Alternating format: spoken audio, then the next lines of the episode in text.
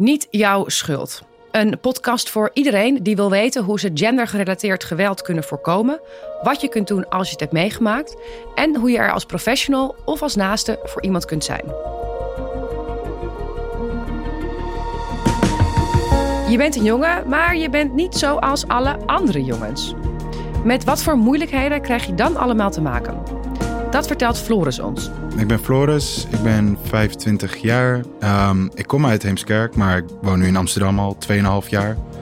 Ik heb productdesign gestudeerd en, nu werk ik bij een meubelmaker als uh, meubelontwerper slash werkvoorbereiding. Maar hoe komt het dat jongens andere jongens zo hard aanpakken? En hoe komt het dat jongens niet zo goed over hun emoties kunnen praten? Daarover praat ik met Hanna. Mijn naam is Hanna Mars en ik werk bij Emancipator. Nederlandse Organisatie voor Mannen en Emancipatie. Sinds vijf jaar alweer.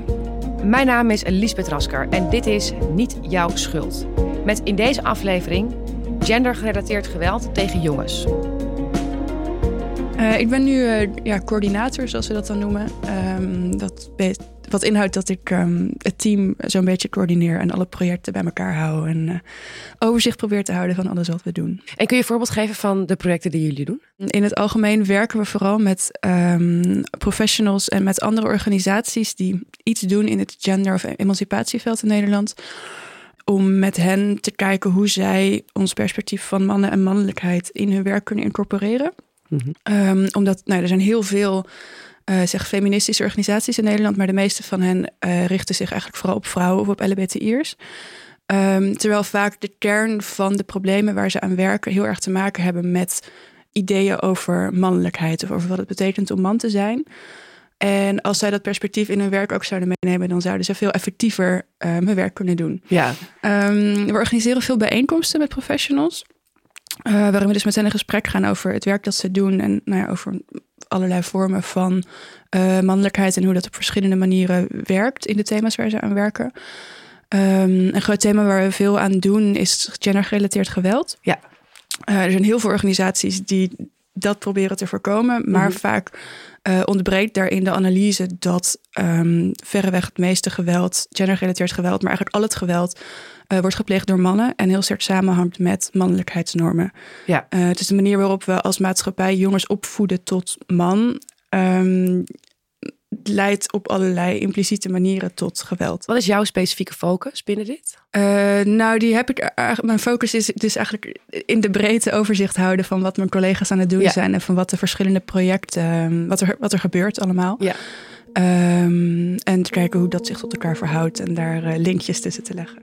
Eigenlijk op de basisschool al merkte ik al heel erg met uh, jongens dat je dan toch merkt dat je niet helemaal uh, op dezelfde golflengte zit. Gewoon zachter en ik vond het geen probleem om gewoon met de meiden te spelen. Terwijl je toen op die leeftijd natuurlijk nog zat van meisjes zijn vies en daar wil je helemaal niks mee te maken hebben. En dan was het al snel van ja, dat je inderdaad dan met die jongens had dat ze dan soms inderdaad weer even groepjes gingen vormen of zo. En dan, dan werd je even als niet cool beschouwd en zo. En dan merkte ik heel erg, dat was echt gewoon echt in die eerste jaren. Van die eerste jaren dat kinderen dan inderdaad groepjes gaan zoeken en echt heel veel sociaal contact leggen.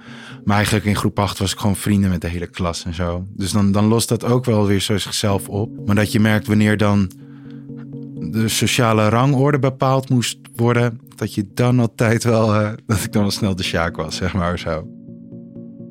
Ja, hij heeft het over een, een rangorde en dat hij vrij laag stond, omdat hij ook met meisjes speelde. Hè? Hoe, verhoudt, hoe verhoudt mannelijkheid en vrouwelijkheid zich tot die rangorde? En waarom is het zo dat hij lager staat als hij met meisjes speelt? Um, ik denk dat zeker in groepen jongens um, wordt die rangorde heel erg bepaald door of zij voldoen aan allerlei mannelijkheidsnormen. Mm -hmm. um, de belangrijkste les die jongens leren um, is dat ze een echte man moeten zijn. En een echte man is eerst en vooral niet een vrouw. Um, Dus alle eigenschappen die jongens hebben die, vrouwelijk, die als vrouwelijk beschouwd worden door de maatschappij, mm -hmm. kunnen ze eigenlijk niet echt laten zien. Want daar, dat doet onmiddellijk af aan hun mannelijkheid. En daarmee dus inderdaad ook aan hun sociale positie in een groep mannen. En met vrouwen omgaan um, op vriendschappelijke manier. Ja. Uh, doet daar natuurlijk ook meteen aan af. Want een echte man is ook eerst en vooral hetero. Um, en wordt geacht om vrouwen te scoren. En dat, dat begint eigenlijk al heel jong. heel kleine peuters, uh, jongetjes, wordt vaak al gezegd als zij met meisjes spelen van, oh kijk, hij is een echte player, hij is een echte, hij is op, op jacht. Ja. Uh, dus dat, dat wordt er ook heel vroeg al ingeramd. Dus als, um, als jongens nou, dus vriendschappelijk contact hebben met meisjes en daarin niet die drang laten zien om te scoren of om hen, uh, om seks met hen te hebben, basically, dan doet dat ook af in de mannelijkheid. Want zijn ze dan wel echt hetero en wel een echte man? dit zit heel, heel erg verankerd in um, ja, de definities van mannen en van vrouwen, zoals we die als maatschappij samen hebben verzonnen. Ja, en waarom is het nou eigenlijk belangrijk om dat te doorbreken? Waarom zouden we niet gewoon zeggen, nou, we laten dat lekker? ik denk dat het voor iedereen en voor de hele wereld een heel goed idee is om dit allemaal uh, te slopen. Mhm. Voor mannen zelf um, is dat hokje ontzettend beperkend.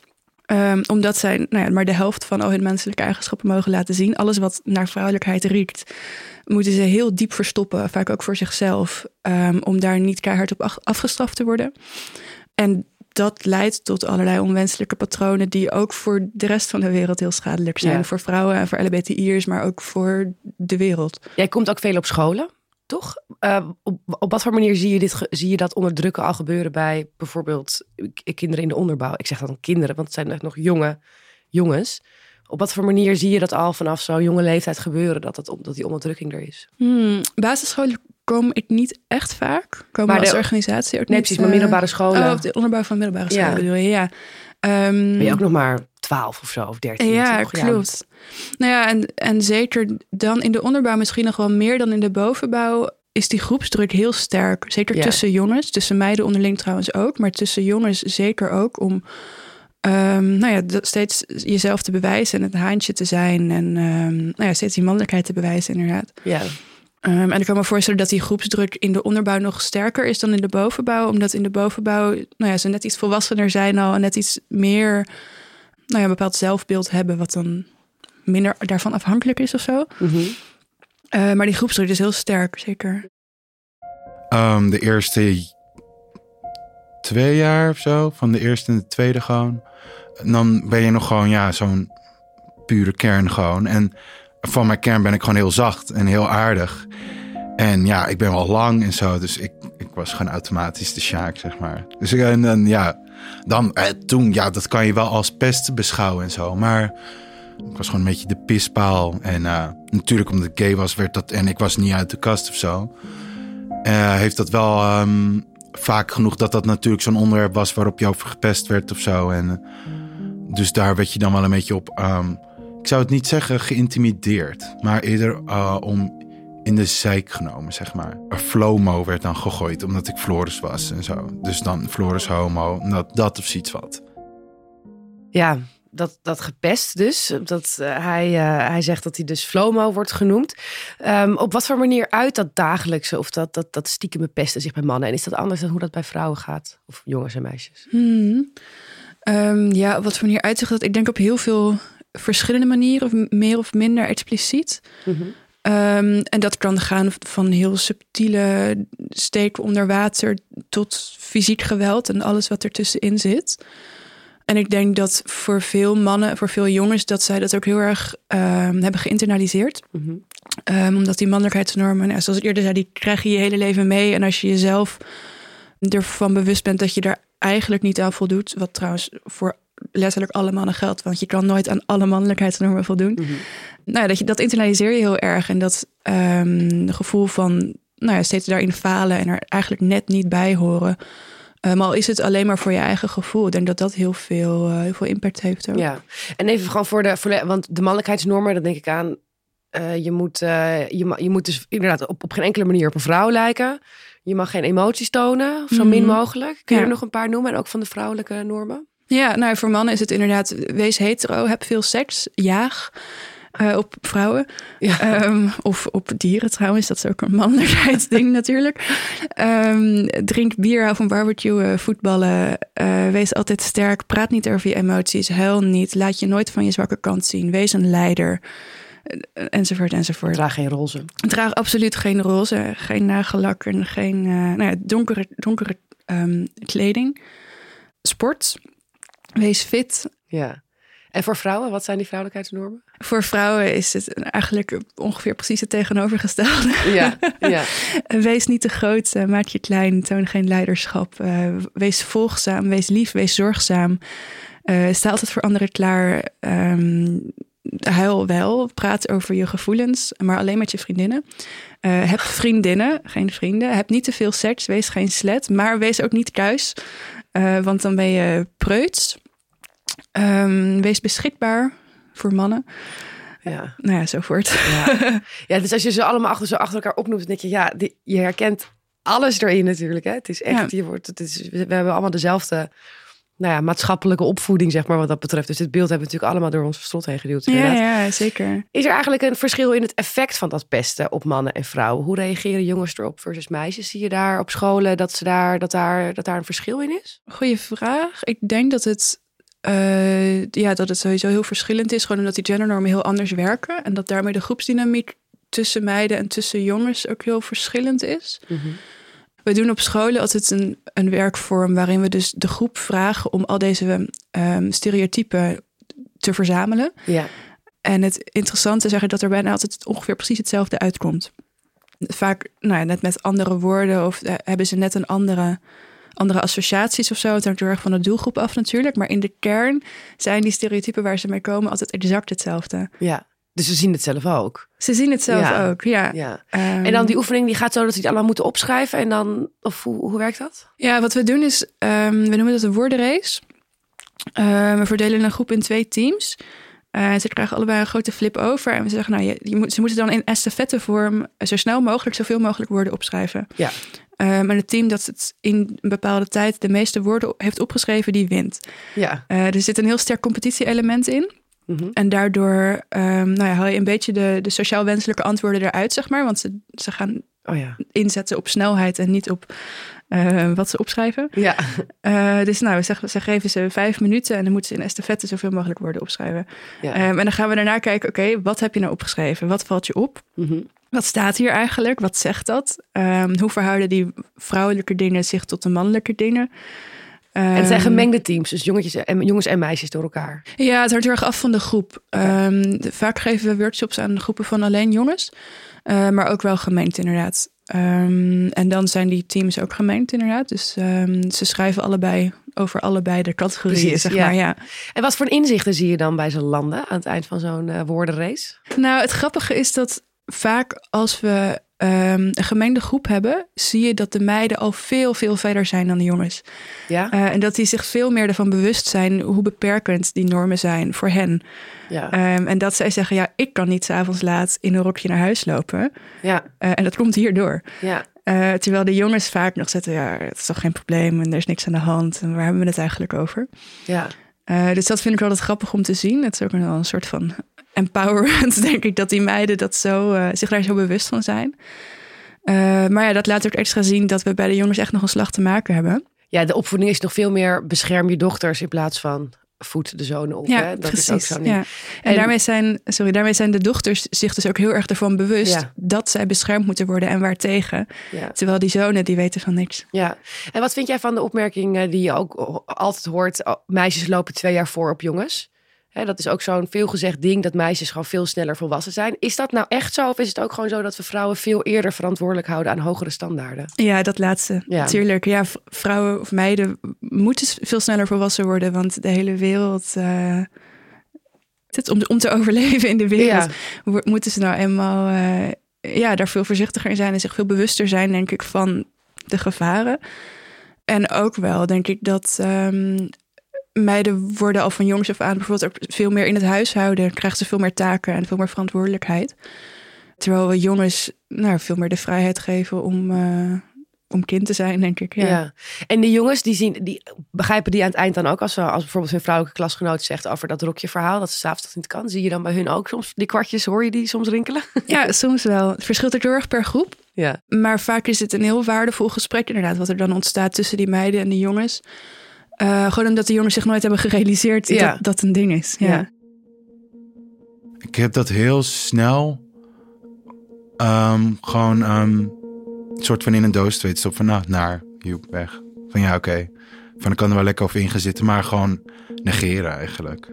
Tuurlijk, op de duur eh, heeft het me wel geraakt, maar ik denk dat ik het nog heftiger had kunnen incasseren, zeg maar. Van mezelf ben ik wel een soort van een gevoelig persoon, maar ik heb het toch wel van me af weten te zetten, omdat ik soort van die mensen die het deden, respecteerde ik eigenlijk totaal niet of zo. Het waren gewoon van die jongens en zo. En dan van die meiden dat ik al gewoon vanuit mezelf wist van... oh, die willen alleen maar populair zijn. En die willen de beste van de klas zijn.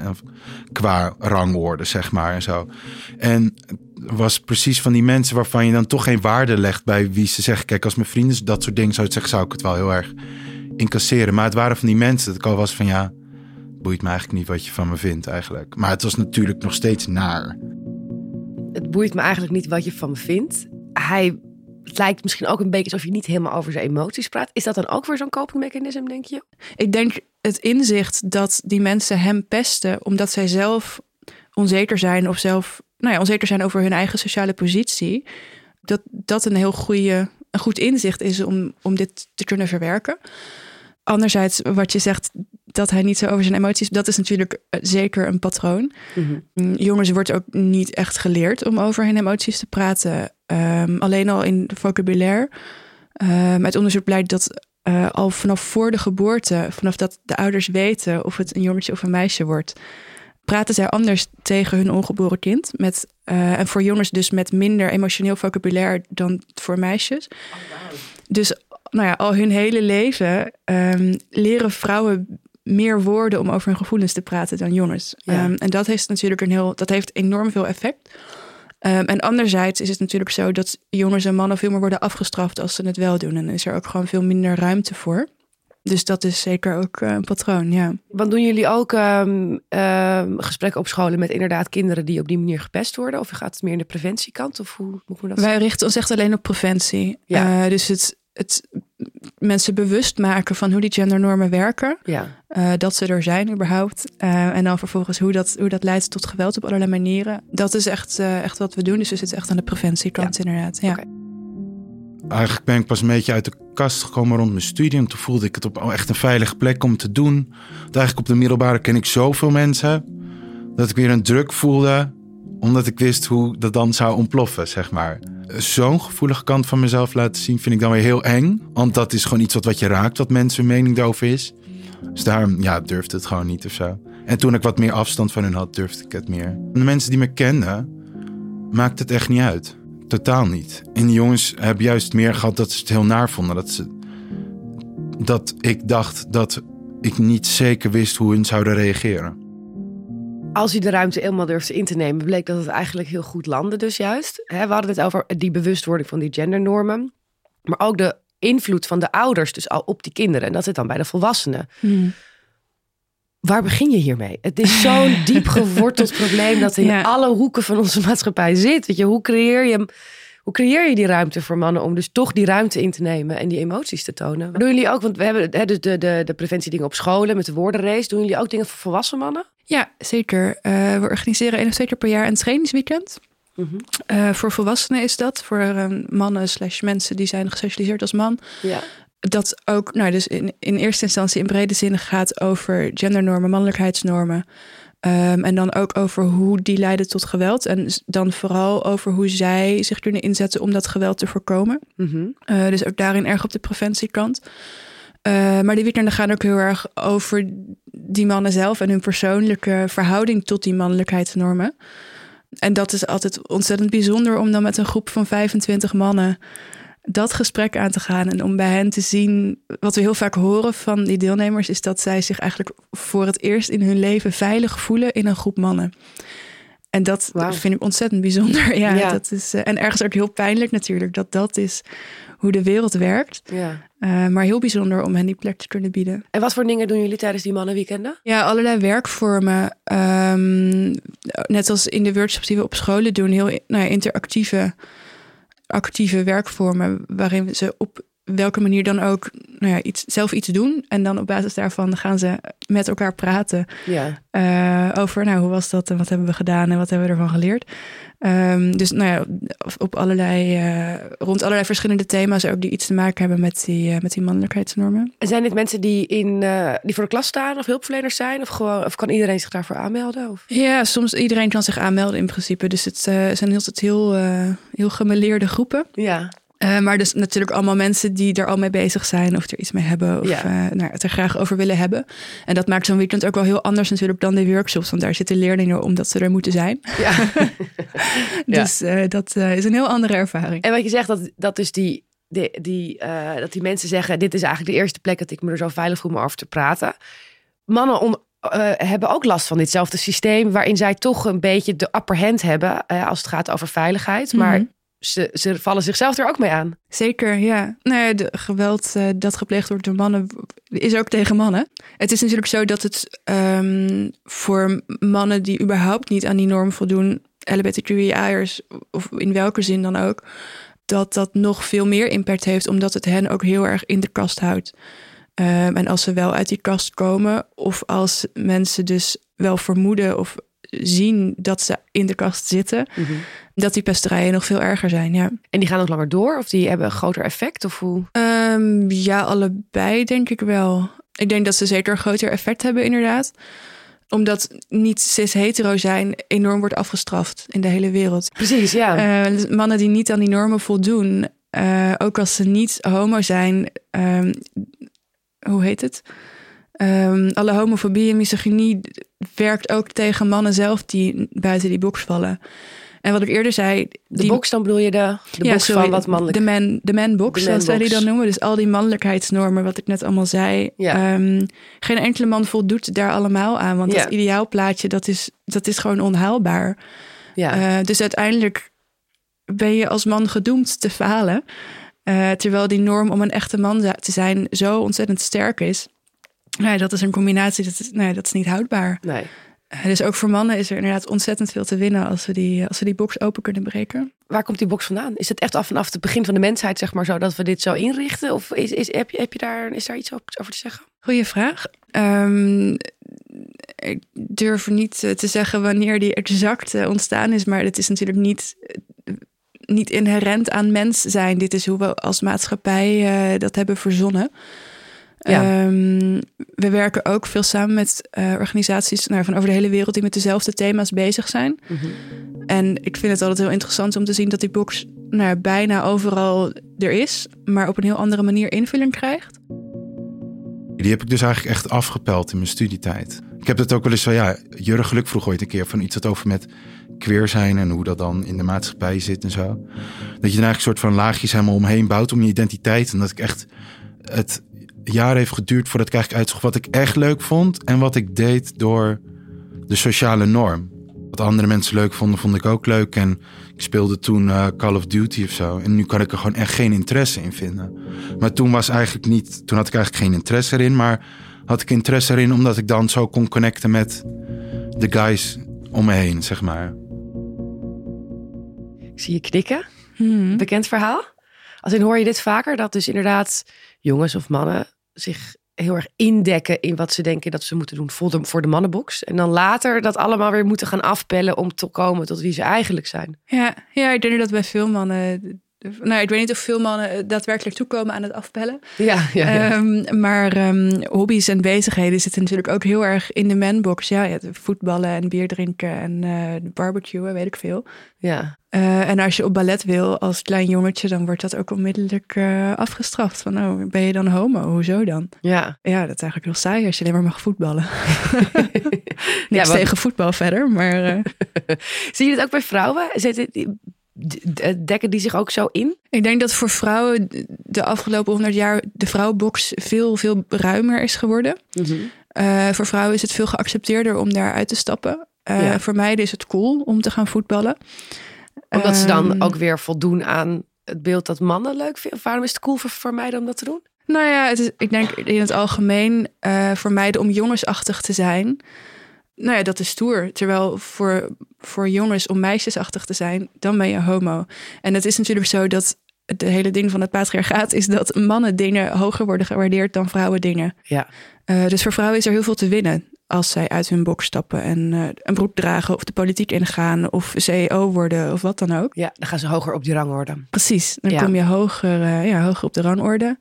Um, want mannendingen worden hoger gewaardeerd dan vrouwendingen. Ja, dus, ja. dus voetballen en in bomen klimmen en een stoer meisje zijn, dat is cool. One of the guys. Ja, precies. Ja. ja. Ja. Ik vind dat je zegt dat die vrouwenbox door de jaren heen veel meer is, uh, veel breder is geworden. En dat je daar ook makkelijker uit kan stappen. Dus.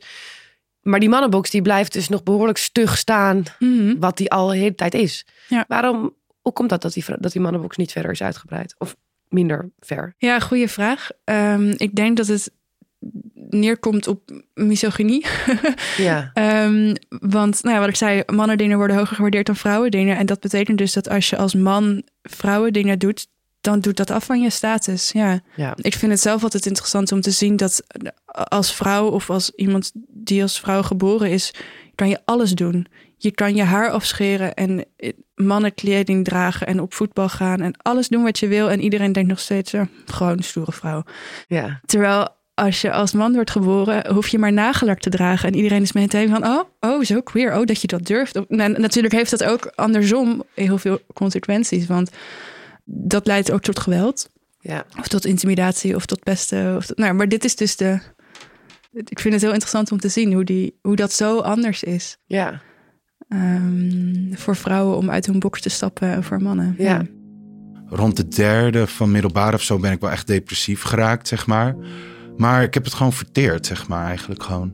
Van ja, dat was toen en het is heel naar, maar ja, wat kan ik eraan doen? Ik heb ook leuke dingen toen gehad en uiteindelijk heb ik er hele goede vrienden aan overgehouden van middelbaar, die ik nog steeds zie. En we hebben over een jaar of zoiets, dat eigenlijk een tienjarig jubileum eigenlijk, dat we elkaar al kennen of zo. En ook nog van de basisschool spreek ik nog steeds mensen en zo. En dat is eigenlijk van ja, ja. Dat, ja, het hoort er gewoon bij, het is een beetje het leven. En uiteindelijk ben ik er soort van wel weer juist heel sterk van geworden en weet ik voor wie ik sta. En wat ik toen als raar werd bestempeld, is eigenlijk iets wat mij eigenlijk soort van speciaal maakt. En zo heb je het eigenlijk meer leren omarmen. Zie je dat mannen het moeilijker vinden om zichzelf als slachtoffer te zien van pesterijen of grotere of kleinere pesterijen? Ja, zeker, natuurlijk. Um, want een belangrijk ding in de manbox is ook dat je geen slachtoffer mag zijn en geen hulp, mag vragen, geen hulp nodig mag hebben. Ja. Als man word je geacht om het allemaal zelf maar op te lossen. Mm -hmm. En hulp vragen wordt dan gezien als zwak. Dus er zit zeker in het, in het zelfbeeld van veel mannen dat zij geen slachtoffer mogen of kunnen zijn. Ja. ja. Wat zijn de effecten ervan dat mannen niet om hulp mogen vragen van, van de manbox? Wat is daar? Dat klinkt als een gevaarlijk iets. Absoluut, ja. Um, dat leidt tot allerlei problemen. Um, dat mannen niet om hulp vragen leidt ertoe dat ze bij allerlei hulpverleners pas terechtkomen als het te laat is. Ja. Uh, als ze al in scheiding liggen, al failliet zijn, al een depressie hebben, al een poging hebben gedaan tot zelfdoding, wat dan ook. Ja, want mannen zijn hulpmeiders. Zie je daar een verschil in met vrouwen? Die, die trekken eerder aan de bel dus. Absoluut, ja. Onder vrouwen is het percentage van depressie veel, veel hoger dan bij mannen. Maar zelfdoding komt veel vaker voor onder mannen. Oh ja. Uh, dus die vrouwen die vragen om hulp voordat het te laat is. En de mannen niet. Ik zit ook te denken, is dit dan... Als het niet om hulp vragen en het niet slachtofferschap bij de manbox hoort... hoort het daderschap dan ook bij de manbox? Ja. Is dit ook misschien waarom mensen, waarom mannen dan misschien eerder denken: Oh, ik, ik, ik kan dit in dit gedrag wel vertonen, want dat hoort bij mijn mannelijkheid, want ik ben eerder een dader? Of ja, op een onbewust niveau misschien? Ja, zeker. Impliciet wordt mannen geleerd dat ze beter dader kunnen zijn dan slachtoffer. Precies, ja. Ja. ja. Maar ik bekijk het ook gewoon heel platonisch en neutraal. Van ja, dat is gewoon hoe het werkt op scholen. En je, je kan wel in verschil veel situaties denken van waarom ik, waarom dit en waarom dat. Maar ja, van ja, je, je kan er stil blijven, blijven staan en blijven naar kijken. Maar je kan ook gewoon, ja, oké, okay, that's it. En bekijk het goede eruit. En, en dit is waar we, waar we nu staan en zo. Hij zegt, dit is nou helemaal hoe het gaat op scholen. Dat is, dat is waarschijnlijk nu zo. Maar dat zou niet zo moeten zijn, eigenlijk, denk ik. Wat zou je mee willen geven aan mensen op scholen, docenten, hulpverleners? Hoe kunnen die nou proberen om dit toch te gaan doorbreken? Ik denk, erken hoe gegenderd dit is. Ja. Um, en hoe sterk pesten, zeker tussen jongens, samenhangt met die mannelijkheidsnormen. Ja, en ja, wat, ja, dat. Ja. En hoe kun, je, hoe kun je dit nou zo snel mogelijk signaleren? Ook die eerste tekenen al van dat geweld of dat beste op, op basis van die gendernormen. Waar zit, hoe kun je dat nou zo snel mogelijk al in de kiem smoren of opmerken? Ik denk wat daarin heel behulpzaam is, we werken vaak met uh, wat we noemen de piramide van geweld. Ja. Dat is een, een driehoek. Bovenin zitten de nou ja, ernstigste vormen van zeg, gendergerelateerd geweld, zoals uh, moord, verkrachting enzovoort. Maar die bovenste lagen die rusten op een fundament van lagen die eronder liggen met uh, allerlei vormen van geweld die we als minder ernstig beschouwen. Mm -hmm. uh, zoals, uh, weet ik veel, stalking, nafluiten, catcallen enzovoort. Ja.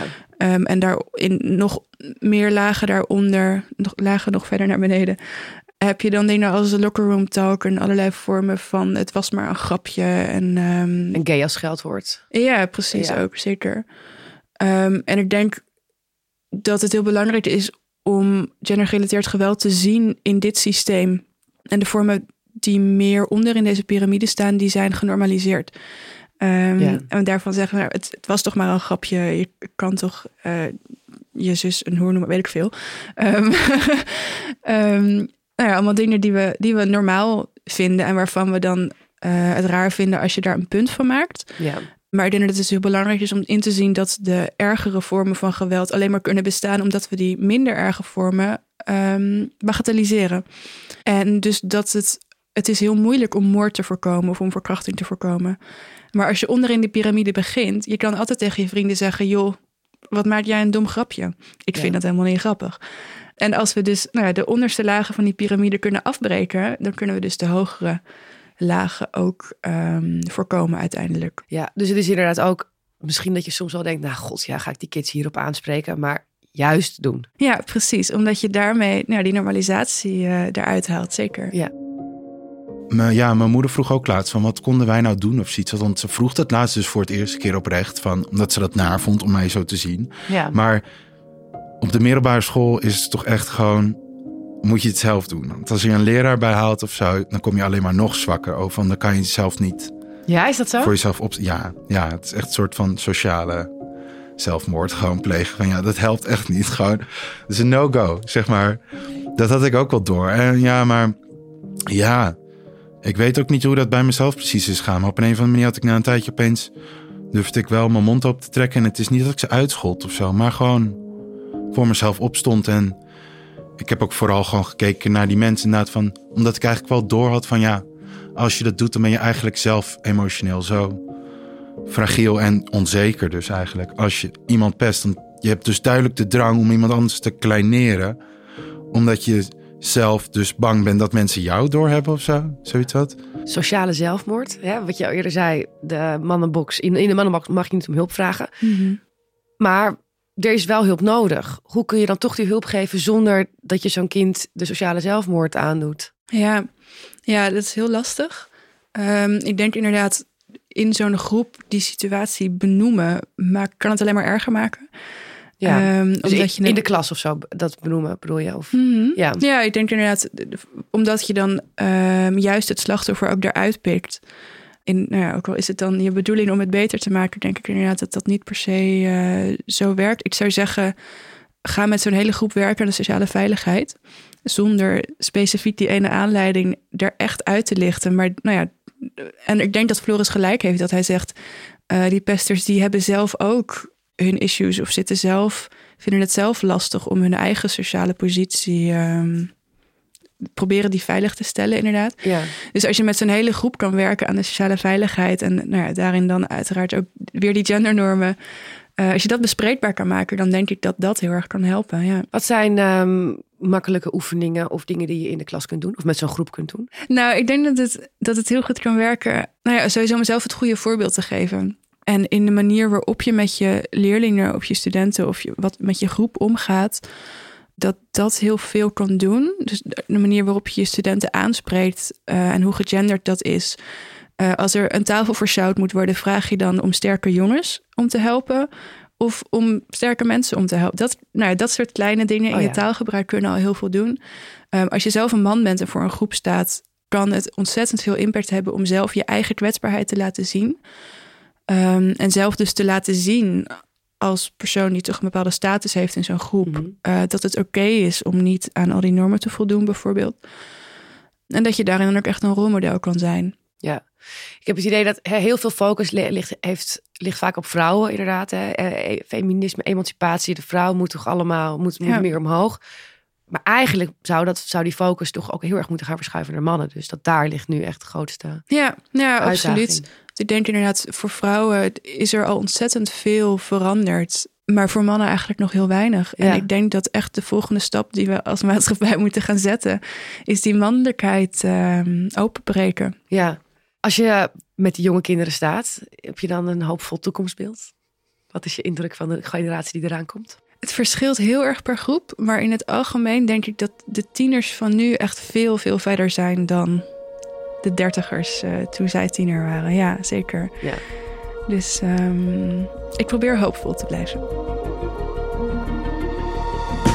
Dit was Niet Jouw Schuld. Een podcast van Act for Respect in samenwerking met Atria en Rutgers. Geproduceerd door Spraakmaker Media en gepresenteerd door mij, Liesbeth Rasker. Heb je dit zelf meegemaakt of wil je meer weten over gendergerelateerd geweld tegen jongens? Check dan onze show notes.